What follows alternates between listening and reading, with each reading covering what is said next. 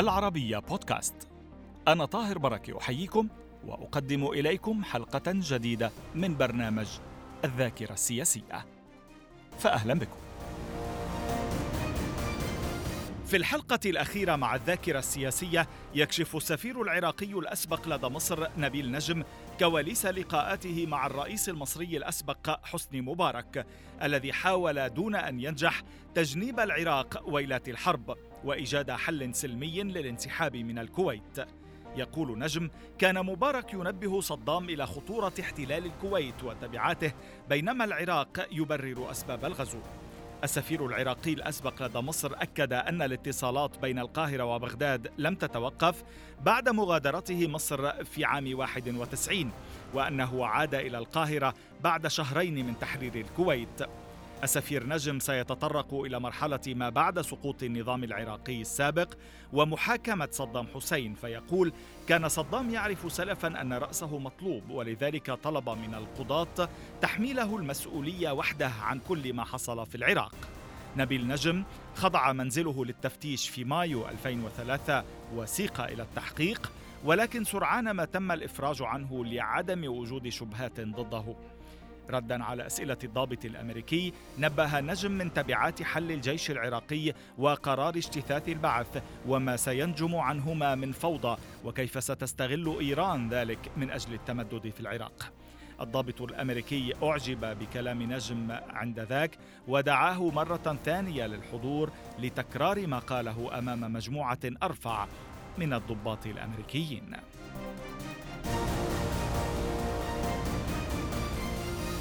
أهلا بكم معنا مجددا يا مرحبا. السفير. آه، كنا نتحدث عن اللقاءات التي دارت ما بعد غزو الكويت خاصة عندما أوفد عزة إبراهيم الدوري نائب الرئيس إلى القاهرة والتقى بمبارك آه، إضافة إلى الرسائل التي كانت تنقل. معلش نركز أكثر بالتفاصيل على ماذا كان يدور فيها في فحواها. يعني مثلا صدام مبارك يطالب صدام بالانسحاب من الكويت.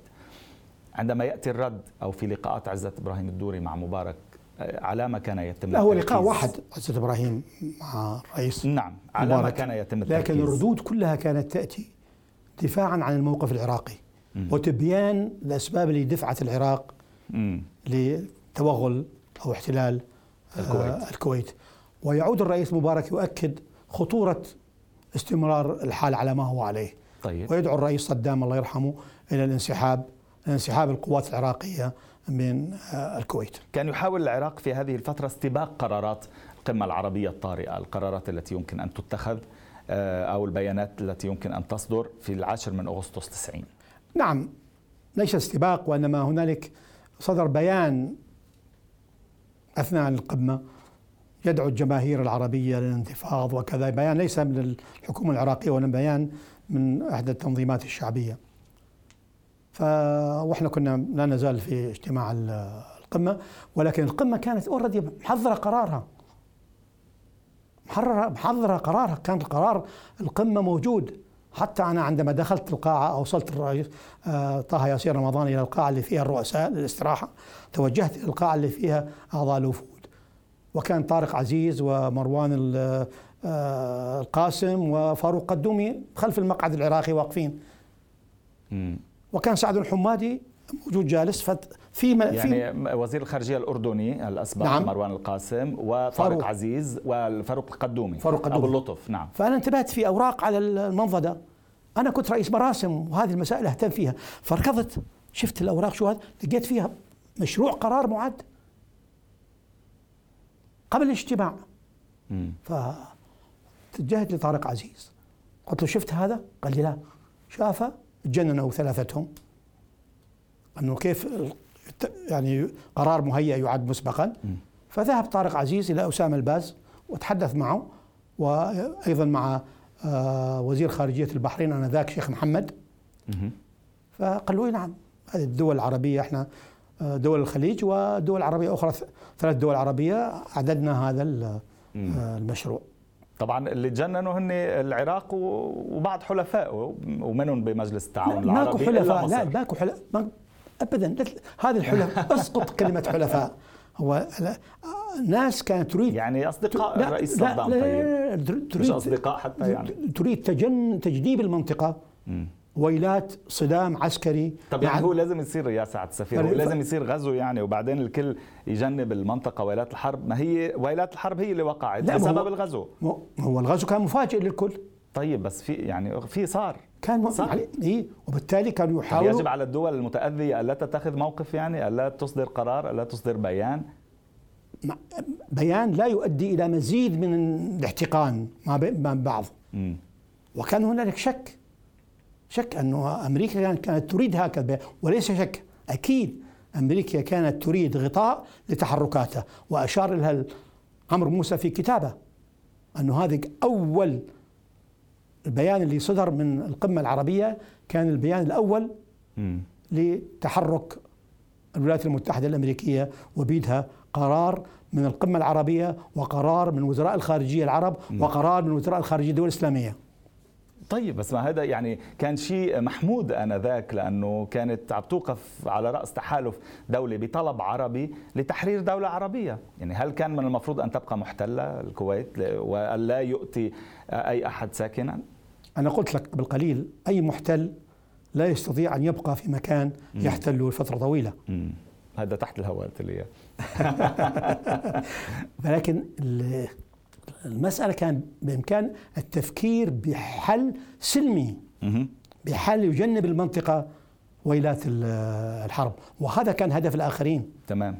هذا كان هدف الآخرين. بس بذكرك سعد سفير انه المفاوضات الدولية مع العراق ضلت أشهر ضل حشد التحالف أشهر يعني مش ثاني يوم ضربوه للعراق أو يعني استمر الوضع وطالبوه بالانسحاب مرارا وتكرارا عشرات المرات وأعطي وقتا كبيرا حتى مسؤولين عراقيين سابقين قابلناهم في هذا البرنامج مثل الراحل عدنان الباتشاشي وقال أصريت على سؤال الرئيس الأسبق صدام حسين سؤالا واحدا عندما زرته في سجنه وهو لماذا لم تنسحب بعد كل الوقت الذي أعطيت إياه من المجتمع الدولي؟ ماذا رد؟ قال له خلي للتاريخ يحكم هو كان مقتنع أنه كان يراد بالعراق الشر وكان يتمنى لو أن الموضوع حسم من الأسبوع الأول في مكان يسمى مؤتمر قمة يوم خمسة أغسطس واللي لم يعقد.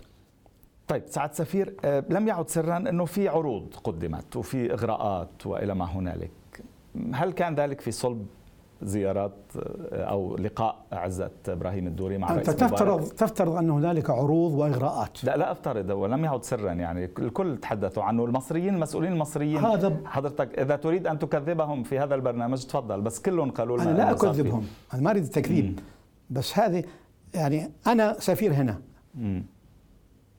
وأحضر لقاءات كثيرة. المليار عروض المليارات ما بتنعرض على السفراء. ابدا ابدا. كان كان النقاش يدور بشكل يعني حرص. زعماء العرب على العراق في ان يتجنبوا الحرب. وكما قلت لك اقرأ رسالة الملك حسين للرئيس صدام وجواب الرئيس صدام عليها اللي نقل طارق عزيز اللي موجود في كتاب آه الكتاب الأبيض. حول حرب الحليج الثامن من فبراير عام 91 قطع العراق آه، العلاقات الدبلوماسية مع القاهرة لتعود حضرتك إلى آه، بغداد. آه، طبعا القاهرة يعني أخذت موقف حاسم مشاركة التحالف الدولي في تحرير الكويت. القصف الجوي كان بدأ في 17 يناير 91 ثم العمليات البرية في 24 من فبراير. لتتحرر الكويت في 27 من فبراير من عام 91 بين القمة الطارئة في أغسطس وقطع العلاقات شو شو كان دورك؟ ماذا فعلت؟ اتصالات مستمرة مم. حاولت تنجز شيء يعني أو خلص كانت اتصالات كان الموضوع خرج من إيدكم لا لا اتصالات مستمرة وكل الرسائل اللي أبعثها الرئيس مبارك وردود الرئيس صدام ومحاولات بعض الرؤساء أيضا مع مع الرئيس صدام كلها كانت في هذه الفترة كانت في الفترة ما قبل العدوان الأمريكي على العراق وقبل العدوان الجوي ثم العدوان البري. كان في باب نافذة هيك شعرت إنه هذا هو المخرج؟ يعني النافذة الوحيدة اللي كان ممكن تكون هي من خلال المقترحات اللي قدمها الملك حسين باسم الملك الحسن وباسم الرئيس الشاذلي بن جديد. بن جديد. وطلب إجابات من الرئيس صدام آه، عليها لكي قال نأخذها ونضغط على الكويت وعلى المعنيين يعني الكويت في ذاك الوقت كانت محتلة آه، للتوصل إلى حل عربي. بدون أن يحدث تدخل آه، قوات أجنبية. وكان الحرص في البداية. مم. والعراق في البداية حتى في يوم آه، آه، 9 مم. أغسطس طرح آه، طه ياسين رمضان على الرئيس مبارك فكرة الحل العربي. وقال له إحنا ما عندناش مانع. خلي تكون هناك جيوش عربية بيننا وبين السعودية. السعودية خايفة من عندنا إن راح لا ما عندنا هذا ومع ذلك لا نمانع أن تكون هناك جيوش عربية في آه، بيننا وبين السعودية. أما وجود الجيوش الأجنبية فقال أن أن- نعتبرها أنه تبيت الشر العراق. يعني كان يتعامل العراق من منطلق أنه هو المعتدى عليه وهو كان المعتدي. كان يخطط للاعتداء عليه لتدميره وليس تفتيته. تدمير بنيته تدمير مجتمعه. وذلك سلب ثرواته يعني هو يعطي يعطي يأكل الطعم يعطي, المبرر اذا إذا كان ذلك صحيحا يعني في السياسة أخذ وعطاء شد. طب الشروط التي قدمها الملك حسين بالتعاون مع شاذلي بن جديد وجه أسئلة الملك الحسن وجه الثاني وجه اذا لم يستجب الرئيس صدام وجه- لكل هذه لا. الأسئلة والشروط وجه أسئلة للرئيس صدام ماذا تريد من الكويت؟ ما هو الحد المقبول؟ ما هو الكذا؟ وجاء طارق عزيز بأجوبة لم تكن آه، تقنع الملك حسين. ما كانت فحوى هذه الأجوبة؟ يعني هذه الاسئله توجه للطرف الثاني. طيب. وأنه آه، أمريكا عازمة على ال- آه، ضرب العراق وتدمير العراق ووقف التن- آه، التنمية وخدمة إسرائيل. أنت كما تعلم مين لعب كل هالكلام؟ طارق عزيز في, طارق عزيز في جواب. الرئيس صدام. أنه هو إحنا في اعتقادنا وهذا حقيقة تاريخية أنه الهدف كان ضمان أمن إسرائيل والبترول الع- آه، تدفق البترول العربي. ف يعني هيكل في كتابه يقول أنه التقى بطارق عزيز في عمان وهو كان بالصدفة هناك وقال له أنا لا نعتقد أنه خرجت الآن من يد العرب وأمريكا مصممة على تدمير العراق. هل تعتقد أنها كان هناك فريق ضيق بجانب الرئيس كان يؤثر على قراراته في موضوع غزو الكويت؟ لا اشك في ذلك. لا اشك في ذلك كان يؤثر سلبا يعني هو أنت بعض الأحيان عندما تدخل في معمعة مم. تأخذك العزة بالإثم سحب ال- الانسحاب لذلك الرئيس من كانت القيادات الرئيس صدام الله يرحمه؟ عندما سئل من البعض ومن المحقق الأمريكي مم. عن موضوع الكويت قال حط إيده على رأسه. يعني ما بده يحكي عن الموضوع. في الكتاب اللي ألفه نعم. نعم. طيب. بس من كانت القيادات التي تؤثر في قراره في موضوع غزو الكويت؟ لا أعرف بس هي القياده القيادة العراقية معروفة. من كانت القيادات الأكثر تطرفا باعتقادك في دفعه لاتخاذ قرارات؟ أنا قلت آه، أنه حلقة ضيقة. عزة إبراهيم الدوري. حلقه لا حلقة طه ضيقه ياسين رمضان. حلقة ضيقة كانت وراء احتلال العراق للكويت وقرار دخول قوات الحرس الجمهوري آه، إلى آه، الكويت. والحرس الجمهوري يعني ولكن مش ليس- مش ال- مش الجيش لأنه رئيس الأركان أبلغ بذلك بعد الغزو. عادل الحمداني كتب هذا الموضوع. نعم. نقلا عن آه، عن الخزرجي ورعد الحمداني كتب عن الموضوع. في هذا الإطار. فهناك حلقة ضيقة. هن روايتين. رواية رعد الحمداني آمر اللواء المدرع في الحرس الجمهوري بانه استدعي ليقسم على القرآن بكتمان سر سيعلن به وذلك في التاسع عشر من يوليو. ورواية آه، رئيس الأركان نفسه نزار الخزرجي. بأنه تبلغ آه، بذلك بعد احتلال الكويت. نعم رعد الحمداني في كتابه قبل أن يغادرنا التاريخ تحدث عن هذا الموضوع. وبالمناسبة هو كانت دائما يصير مناورات في هذا الشهر في المنطقة هذه في البصرة. أعتقد إنه هي مناورات عادية. فكانت هي مناورات موجودة ولكن عندما كانت الأمور آه، تجيه بتشدد الكويت اتخذ هذا القرار. ما طبيعة الدور الذي قمتم به منذ تحرير الكويت وحتى سقوط النظام العراقي في 2003 أنا عدت إلى ال- القاهرة كمندوب دائم لدى جامعة الدولة العربية بعد التحرير بكم آه، بشهرين مباشرة أنا ذهبت كيف رجعت العلاقات دولة؟ ذهبت بغداد لمدة شهرين وصدر أمري أمر لي بالعودة إلى القاهرة بما أن الجامعة العربية نقلت إلى القاهرة وبالمناسبة العراق هو اللي عمل على عودة الجامعة العربية إلى القاهرة مم. وعودة مصر إلى ال- العائلة العربية العربي. والعائلة العربية إلى مصر مم. لإيمانه بدور والله في مصر كثير دول عربية وأهمية يعني مصر. وقادة عرب دخلوا بالموضوع على ما يبدو لا العراق هو الذي لعب الدور الأساسي كيف؟ إذا حبيت آه كان هناك قمة عربية تعقد في الدار البيضاء مم. يوم 23 مايو وشاءت الصدف أن أسامة الباز يستدعيني يبلغني أنه اتفق مع الدول العربية الخليجية اتفقت مصر أن الرئيس مبارك والوفد المصري يذهبوا إلى الدار البيضاء يجلسوا في الفندق. طيب. ثم يجتمع القادة العرب ويصدروا قرار بقبول عودة مصر. نعم. وعند ذلك يستدعى الرئيس مبارك والوفد للاجتماع. شاءت الصدف أن يستشهد عدنان خير الله الله يرحمه وزير الدفاع العراقي. ويقرر الرئيس مبارك وعقيلته الذهاب إلى بغداد لتعزية الرئيس صدام. وأنا غادرت قبلهم بيوم وحضرت اجتماع الرئيس صدام مع الرئيس آه، مبارك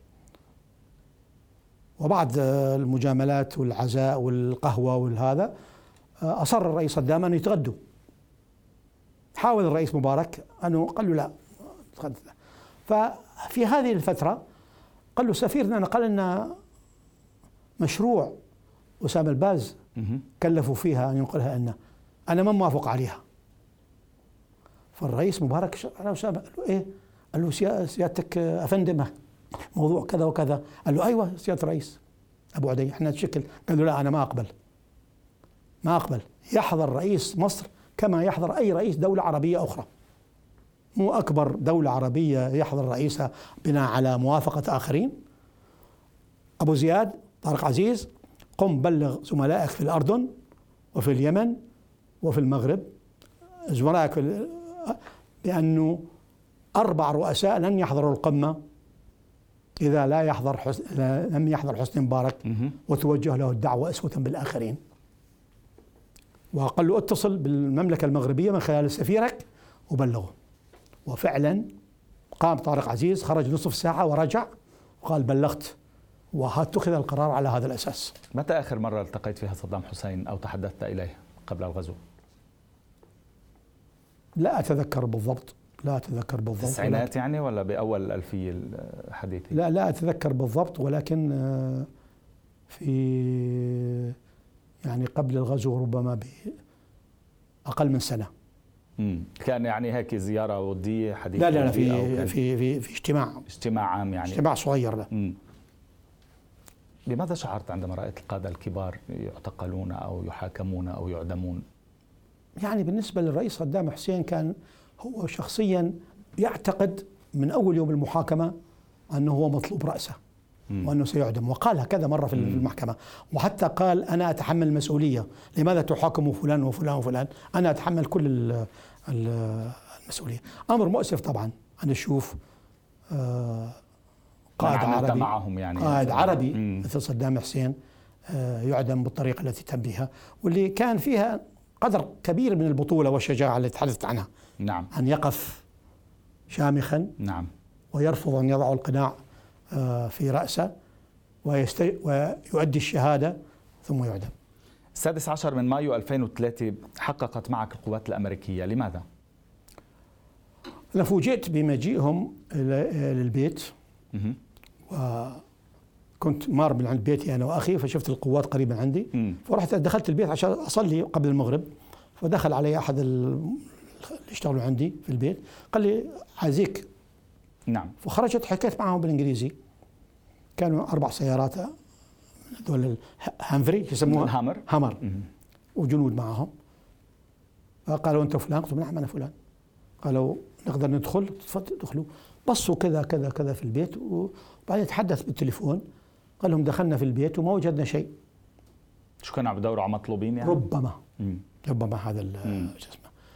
فقالوا لهم جيبوه. مع ذلك جيبوه. مم.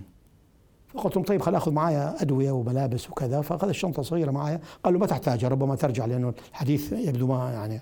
ذهبت. كان في مقر الاستخبارات العسكرية في الكاظمية. كان مهدم كله وتراب فجرت.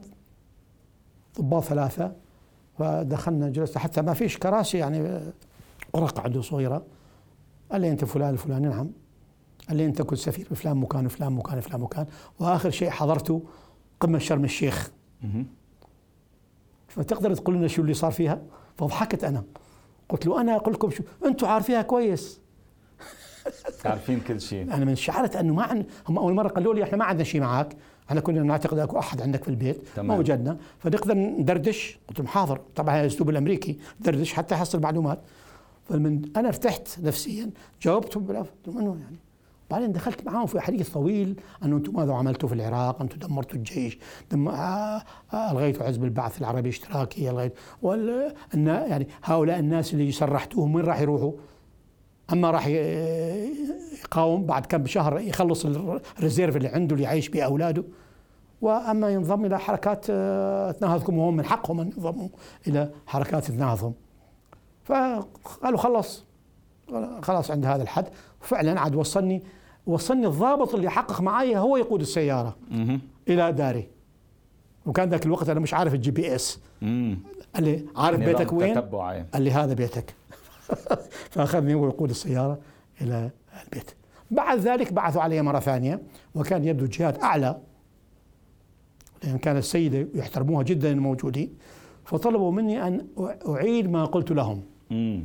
يعني بمعنى تقديم النصح يعني في مواضيع معينة. يعني وحذرتهم من موضوع آه، إيران ودور الإيراني وما تمام. يمكن أن تعملوا في العراق بدنا نمشي على كم موضوع سريعا قبل نهاية الحلقة عمرك. لأنه عم نختم الحلقات أه بدي أتوقف معك باستشرافك لكثير من الوضع الحالي اللي عم بيصير آه، في المنطقة ولكن في عام 79 عندما كنت سفيرا للعراق في هانوي وقال لك مسؤول العلاقات الخارجية في الحزب الشيوعي الفيتنامي لابد أن وضعكم سيكون أفضل مع الخميني لأن آه، العراق كان استضافه لديه على أراضيه فكيف رديت عليه؟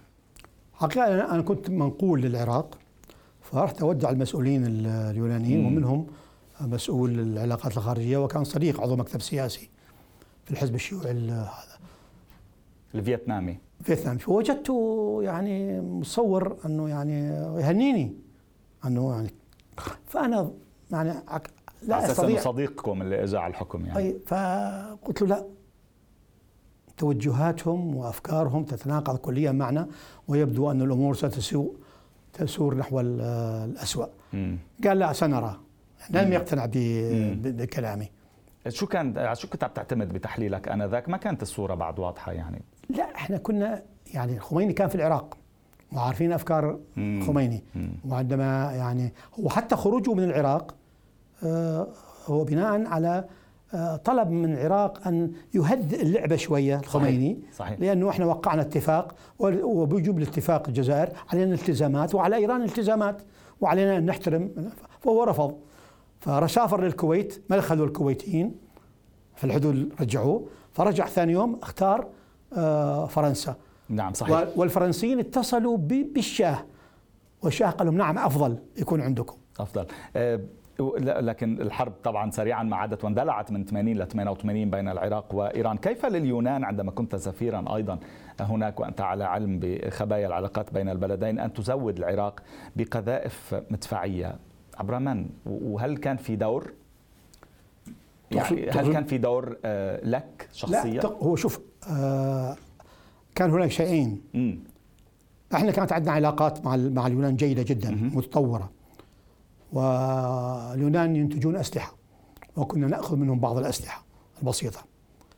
في فترة من الفترات العراق صار عنده نقص كبير في عيارات عيار المدفعية 155 ملم صحيح. 120 و 155 50 فطلبت منهم تزويدكم بها. بها. ف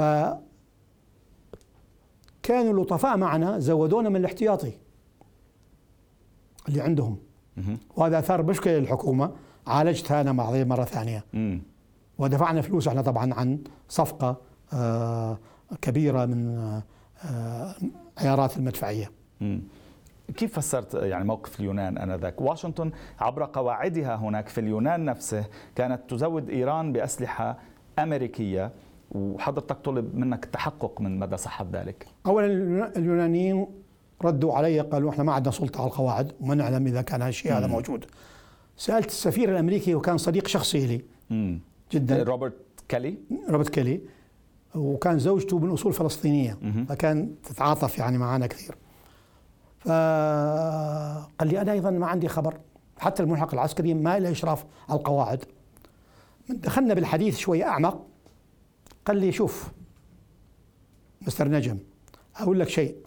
أمريكا لن تسمح للسلاح الروسي أن يهزم السلاح الأمريكي. أوف. افهمها. افهمها كما تريد. السلاح السوفيتي. س- سوفيتي عفوا. ف و... و... استمر في الحديث قال أرجوك لا تبعث هذا لبغداد ببرقيه شفرة لأن هذا سيحلوها قبل ما توصل بغداد. أها. رح يعرفوا من مصدر المعلومة يعني. معلومه بس هذا يعني سر عسكري كان يعتبر أو أو يعني بس هو ذاك هو- ذاك الوقت كانت أمريكا متورطة في ووتر جيت طبعا معروف. يعني صار موضوع معروف. نيكاراغوا وإسرائيل ودور إسرائيل في تزويد إيران بالسلاح. وموافقة الخميني نفسه. بني صدر يقول أنا أخذت له قطعه سلاح الخميني قلت له هذا سلاح إسرائيلي.